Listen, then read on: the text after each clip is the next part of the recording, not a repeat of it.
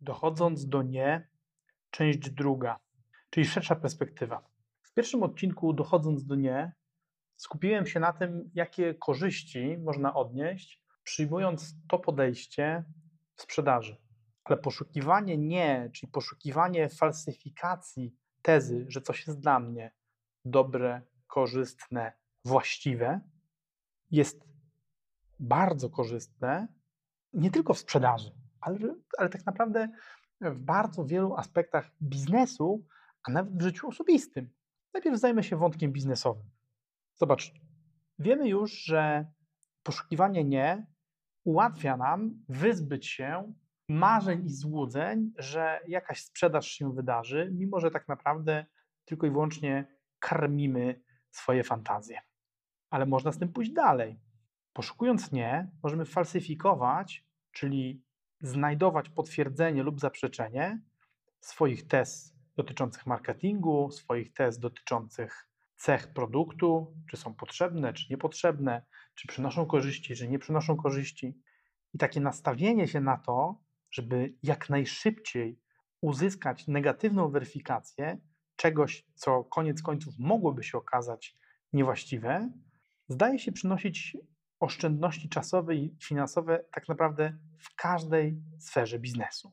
Co więcej, idąc w skali makro, pozwala to nam nawet na falsyfikowanie całych koncepcji na biznes. No bo jeżeli w zadanym przez nas okresie czasu okazuje się, że nie jesteśmy w stanie sprzedać żadnej albo przynajmniej satysfakcjonującej liczby produktów czy usług, które, które chcieliśmy sprzedawać w ramach tego biznesu, to najpierw trzeba zmienić sposób sprzedawania. Jeżeli to nie przyniesie skutków, zmienić sposób komunikowania o produkcie, ale jeżeli to też nie przyniesie skutku, to należy dać sobie spokój, bo najwyraźniej to nie jest czas dla nas na ten produkt. Czy ktoś inny może sobie z nim poradzić? Być może. Czy na innym rynku ten produkt mógłby sobie poradzić? Być może.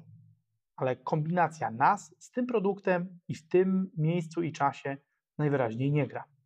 I zdecydowanie lepiej widzieć to szybciej, niż łudzić się i budować sobie wyobrażenie, że tenże produkt czy to rozwiązanie może jednak jest dobre.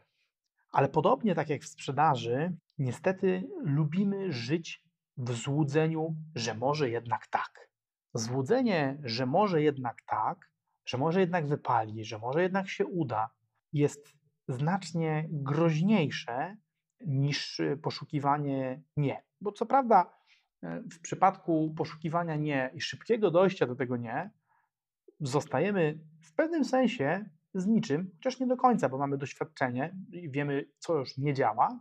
O tyle tkwienie w ułudzie tak jest bardzo groźną pułapką, bo jeżeli tkwisz w pułapce przekonania, że coś jest dla ciebie i poszukujesz desperacko potwierdzeń, to coś zawsze znajdziesz, jakiś naciągany dowód, jakieś e, mrugnięcie od losu w Twoją stronę, albo mrugnięcie losu, które tak naprawdę było tylko i wyłącznie reakcją na pyłek, ale Ty traktujesz to jako sygnał, że jednak tak, to był, to był sygnał, że to jest dobre. Wielokrotnie, szczególnie w kontekście ludzi, natrafiałem na, na, to, na to pragnienie siedzenia i tkwienia w ułudzie przekonywałem siebie i innych, że ludzie, którzy absolutnie powinni zostać zwolnieni, nadają się, że są fajni, że są dobrzy, że mają dobre serce, że mają dobre wartości, że mają dobre kompetencje. Szukałem desperacko potwierdzenia tego, jakim chciałem, żeby świat wyglądał, a nie, a nie szukałem prawdy o tym, jaki świat jest. Bo tak naprawdę ta droga, którą dziś Wam proponuję, czyli droga oparta o jak najszybsze dochodzenie do nie, to jest droga odkrywania prawdy o świecie. Natomiast droga polegająca na tkwieniu w ułudzie, czy desperackim poszukiwaniu powodów, dla których moglibyśmy nadal pozostać w ułudzie, że tak, że coś się dla nas nadaje, jest drogą fałszowania rzeczywistości, ponieważ jest drogą budowania sobie pewnych wyobrażeń na temat świata i to jeszcze w dodatku niestety fałszywych wyobrażeń, karmionych jakiś, jakimiś wyrywkowymi, zdawkowymi faktami czy odłamkami faktów, oby tylko pasowały do naszej wizji świata. Ale tak naprawdę dochodzenie do nie znajduje zastosowanie również poza biznesem, w życiu osobistym.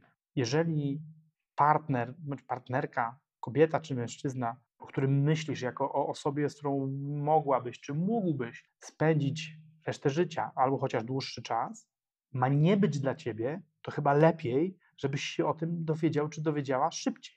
No, chyba, że jesteś kolekcjonerem czy kolekcjonerką złamanych serc. Mam tu na myśli twoje własne serca złamane, albo blizn czy szram na sercu. No bo jeżeli nie chcesz tracić czasu, który to straszne, ale prawdziwe, jest bezlitośnie ograniczony, to tak naprawdę bardzo zdrową filozofią życiową jest poszukiwanie nie. Jak najszybsze dowiadywanie się, że ta partnerka czy ten partner nie jest dla mnie, ta praca nie jest dla mnie, ten biznes nie jest dla mnie, ten klient nie jest dla mnie, ta książka nie jest dla mnie, ten film nie jest dla mnie, to jedzenie nie jest dla mnie, to ubranie nie jest dla mnie, to mieszkanie nie jest dla mnie. Im szybciej dowiesz się, że coś nie jest dla ciebie, tym szybciej będziesz mógł szukać tego, co jest dla ciebie. Czy to brzmi jak banał?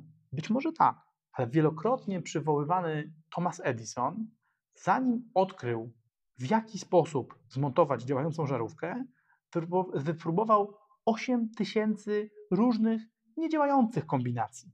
Gdyby Edison i jemu podobni skupiali się na tkwieniu w ułudzie tak, to dzisiaj prawdopodobnie siedzielibyśmy przy lampkach nocnych napędzanych oliwą, a być może przy świeczkach, a może w ogóle przy ogniskach. Na szczęście tacy pośród nas, którzy zrozumieli, że jak najszybciej trzeba falsyfikować tezy, które stawiamy sobie na temat życia, są pośród nas i są, są w naszej cywilizacji od setek i tysięcy lat. I to są ludzie, którzy odnoszą najbardziej spektakularny sukces.